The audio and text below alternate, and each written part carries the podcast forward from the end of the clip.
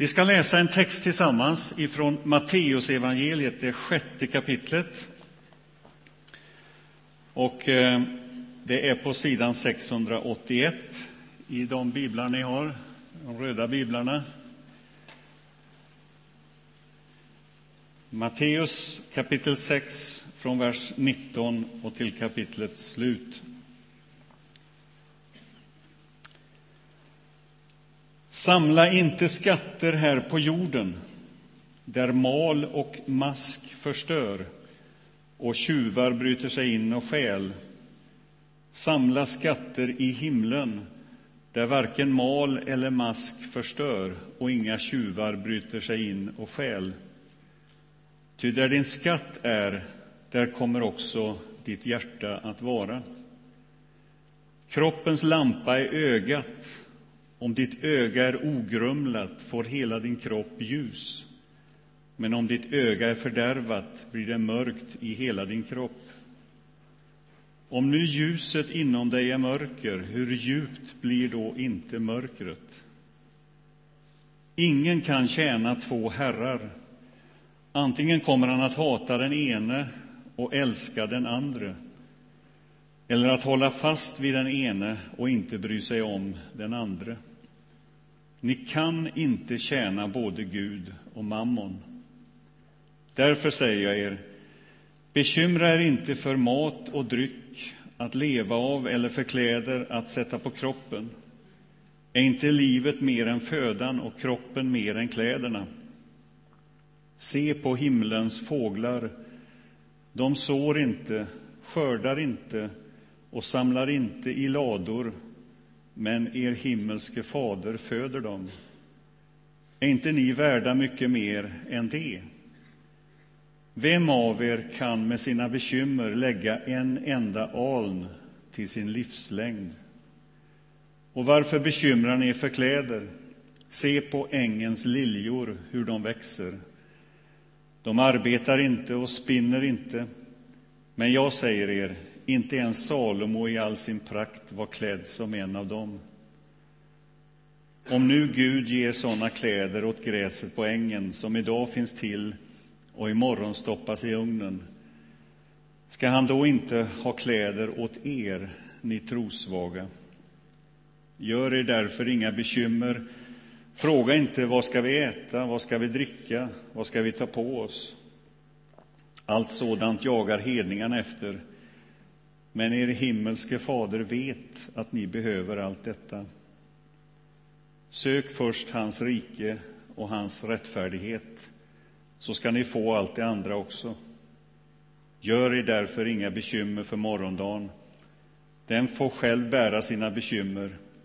Var dag har nog av sin egen plåga. Pengarna och livet är temat under tre söndagar här i Saron. Och eh, förra söndagen så var den första. Joakim predikade och eh, lyfte fram den här bilden, bland annat. Därför vi har den här. Nu ska det vara några ringar till, men det här är världen den kan vara lite svår att urskilja. Jag har haft problem med att få den rätt, den där, och, och ställa upp den riktigt. Men om man fokuserar på det röda så brukar det gå lättare. Men det, det kanske är en händelse som ser ut som en tanke, men det finns en, en tanke i detta att vi kanske har lite svårt att upptäcka världen. Vi har lite svårt på för att, att eh, tänka den här tanken, hur ska jag kunna bidra in i den här världen? Hur ska jag kunna vara till en välsignelse för människor, för sammanhang där jag finns?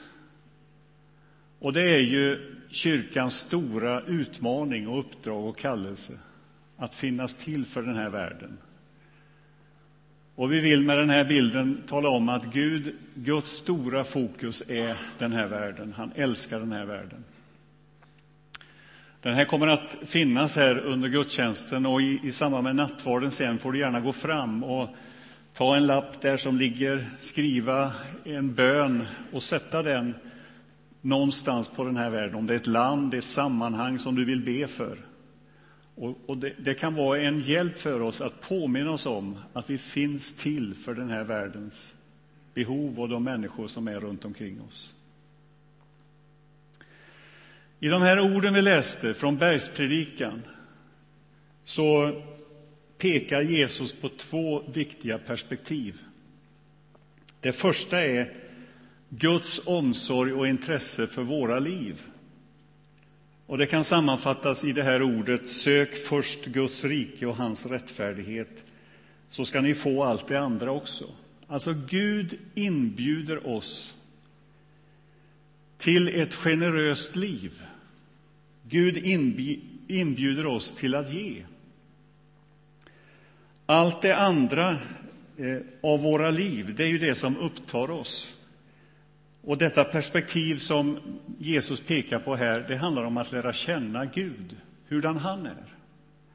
Och när vi talar om pengar, kronor och ören så är det viktigt att ha det fokuset, att det handlar om att lära känna Gud. Gud är generös. Gud är kärlek. Och när det går upp för oss vem Gud är, då kan vi lugnt dela med oss av det som vi har fått och delta i denna Guds stora generositet och kärlek till den här världen. Och det finns en växelverkan i detta, så ju mer jag lär känna Gud, ju mer förstår jag att livet handlar om att ge. Och ju mer jag ger, desto mer lär jag känna Gud, hurdan han är. Så om du bär på den här bönen, jag skulle vilja lära känna Gud mer, ställ dig i den här givande tjänsten, i uppdraget att välsigna andra med ditt liv och det du har fått. Då kommer du att upptäcka vem Gud är, för då, då rör vi vid Guds hjärta, kommer honom nära, sådan han är. Det andra perspektivet i den här texten, det är våra hjärtan. Och det kan sammanfattas i den här eh, meningen, ty där din skatt är kommer också ditt hjärta att vara. Och vad Jesus säger här, det är ju att hjärtat på något sätt är den här termometern som avgör var vi befinner oss i livet. Vad upptar mig mest? Var finns mitt fokus? Och så säger han, om pengar är mitt intresse, mitt stora fokus, ja, då är det min Herre. Och om det är någonting annat som upptar mitt fokus, som är i mina tankar mest, ja, då är det min Herre. Så Jesus liksom ställer den här frågan till oss personligen, var och en. Var har du ditt hjärta? Eller var finns mitt hjärta någonstans? Vad är mitt fokus? Det finns i Bibeln vad vi kan kalla för huvudord eller huvudteman. Tro är ett sådant begrepp. Och det förekommer åtminstone uppemot 300 gånger så behandlas det ämnet. Bön 400 gånger kanske. Kärlek omnämns omkring 700 gånger.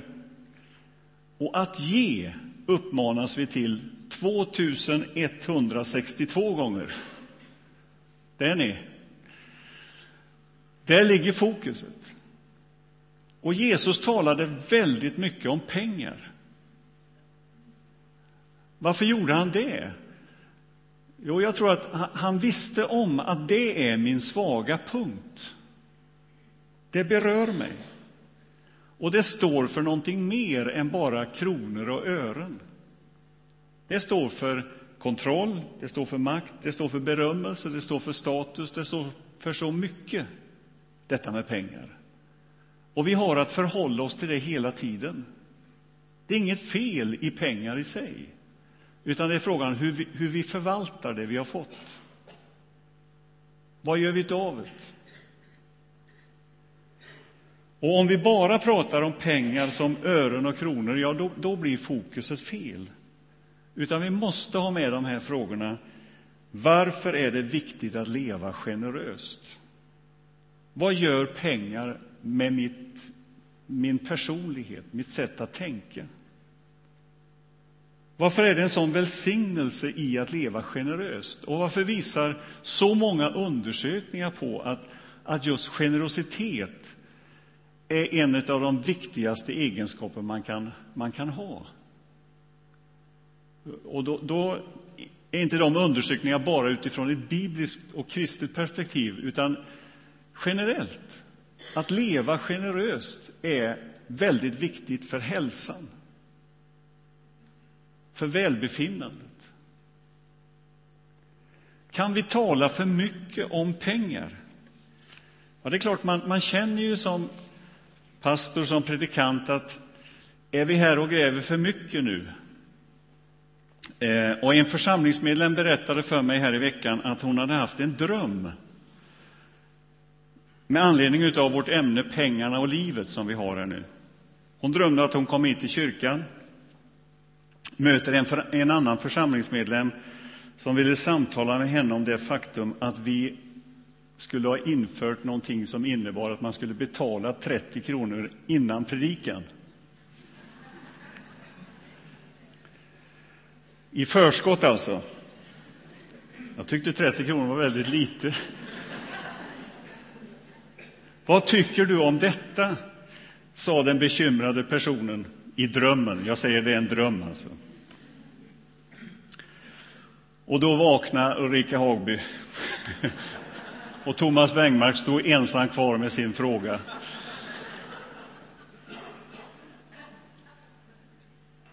Vi kan skoja om det. Och Gud älskar en glad givare, måste vi säga. Får jag säga något personligt omkring detta? Min erfarenhet av givande börjar väldigt tidigt. Jag minns hur mina föräldrar gjorde i ordning det där kuvertet på söndagsmorgonen innan man gick till gudstjänsten. Det var ett kuvert som man la pengarna i som skulle bäras fram i gudstjänsten. Det var viktigt. Det var oerhört viktigt.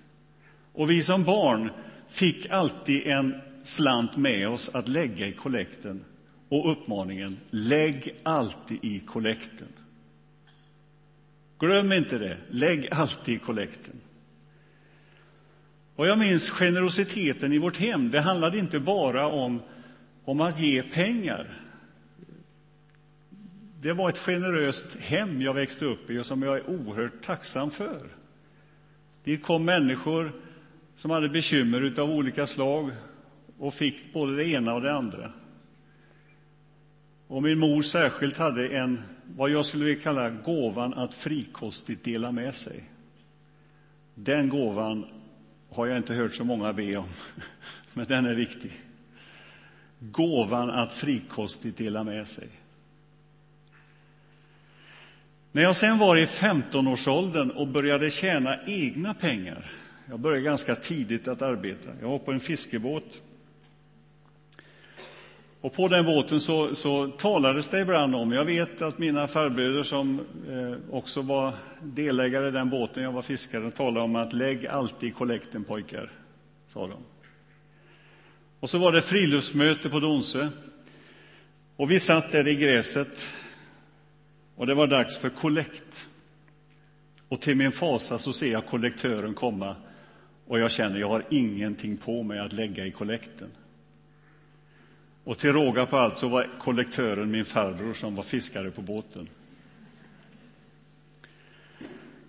Och jag tänkte, vad gör jag? Nu kommer han och jag har inget att lägga i kollekten. Och så gjorde jag någonting som man absolut inte ska göra. Så gör aldrig detta.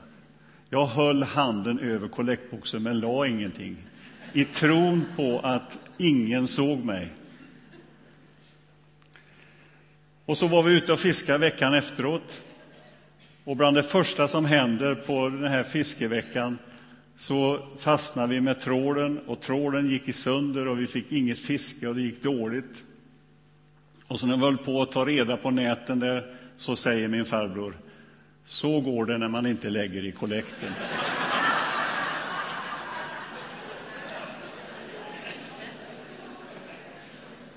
Och sen dess har jag alltid försökt att lägga i kollekten.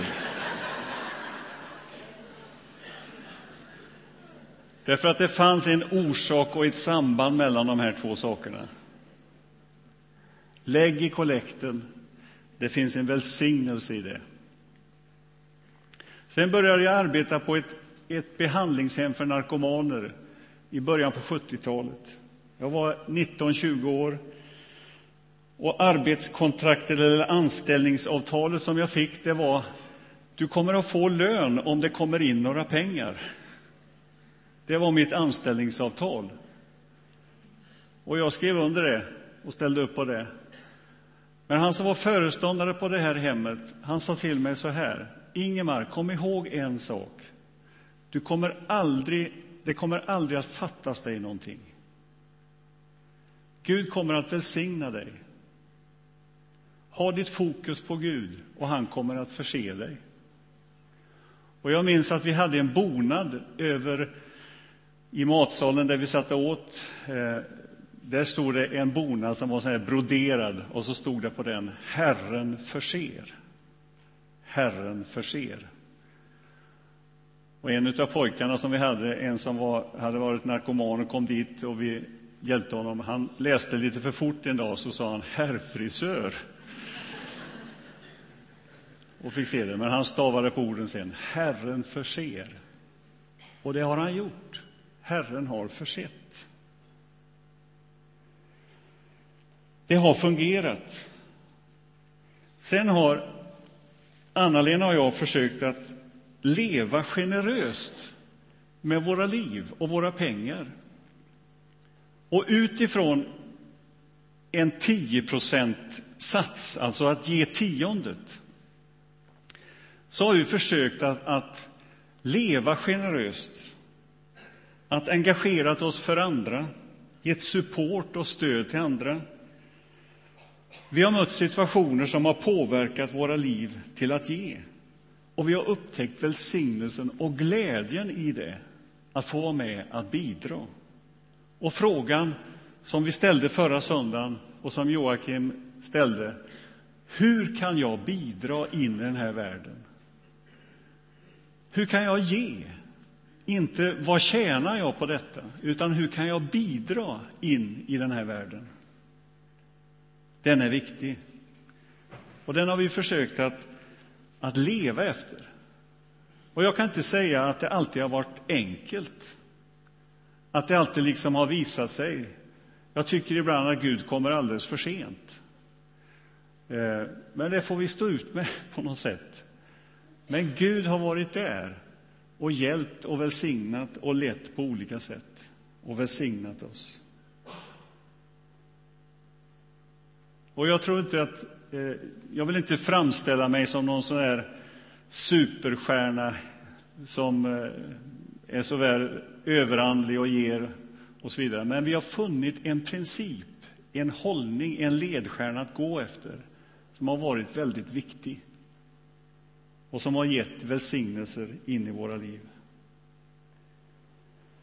Den här texten från Bergspredikan, alltså det sjätte kapitlet som vi läste börjar med att Jesus beskriver en gudstjänst. Eh, och det sker, en gudstjänst sker alltid inför Gud. Vi började den här gudstjänsten med att, att lova Gud, att komma inför Gud. Och vi sjöng det i den sången, Vi kommer inför dig, Gud.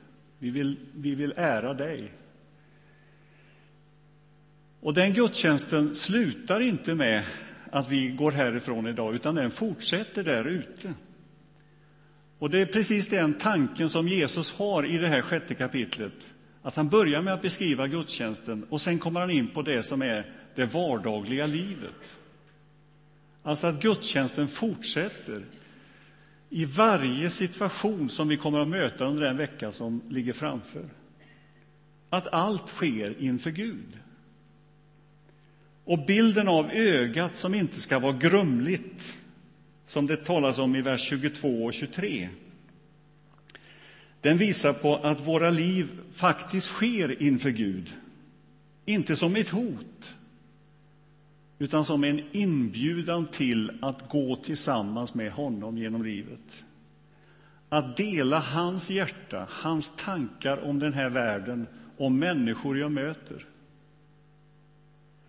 Att låta Gud ha full insyn genom de fönster som ögat är. Den bilden ger Jesus. Och tänk nu på våren när solen kommer in, det är dammigt på fönstren och vi känner att jag måste ut och tvätta fönstren. Varför då? Jo, för att ljuset ska lysa in genom de klara och fina fönstren. Och den bilden använder Jesus här. Alltså, låt det inte vara grumligt, utan lev öppet inför Gud som han är. Ta emot hans kärlek, hans generositet in i den här världen. Genom dina ord, genom dina tankar, genom dina handlingar, genom dina pengar, genom det du äger. Låt allt få ära honom. Och så säger Jesus, låt Guds rike vara ditt hjärtas skatt. Och det är ju så här att alla har vi vårt hjärta någonstans. Och det pågår hela tiden en kamp om mitt hjärta och mitt fokus. Och Jesu råd är här att söka Guds rike först och främst. Och om jag söker Guds rike först och främst, säger Jesus, då faller de andra pusselbitarna på plats. Allt det andra. Och att söka Guds rike först, det handlar om att ge så att det känns. Och det handlar om att leva med den här frågan, hur kan jag bidra? Vad har Gud för tanke med mitt liv, med det jag äger? Och då lägger jag mitt liv så nära Guds hjärta jag kan, för han är den store givaren.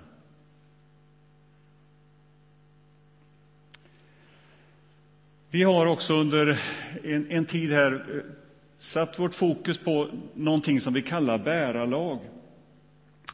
Det kommer upp en bild här på den, den broschyr som vi har. Den finns här ute och den finns eh, där du kan läsa mer om vad bärarlag är för någonting. Det är ett sätt att vara med att, att, att ge till den verksamhet som vi bedriver här. Och då gör man det genom autogiro. Och då är inte summan det viktiga, utan det är regelbundenheten som är det viktiga. Att du är med, att du känner att, att jag är med och bidrar. Och här kan man börja på den summa som du upplever och sen kan du gasa på så mycket du kan sen och öka där du står. Eh, du som vill samtala om det här och veta mer om det här så kommer det att finnas några personer här nere vid kyrkkaffet sen som, som går omkring med information omkring detta.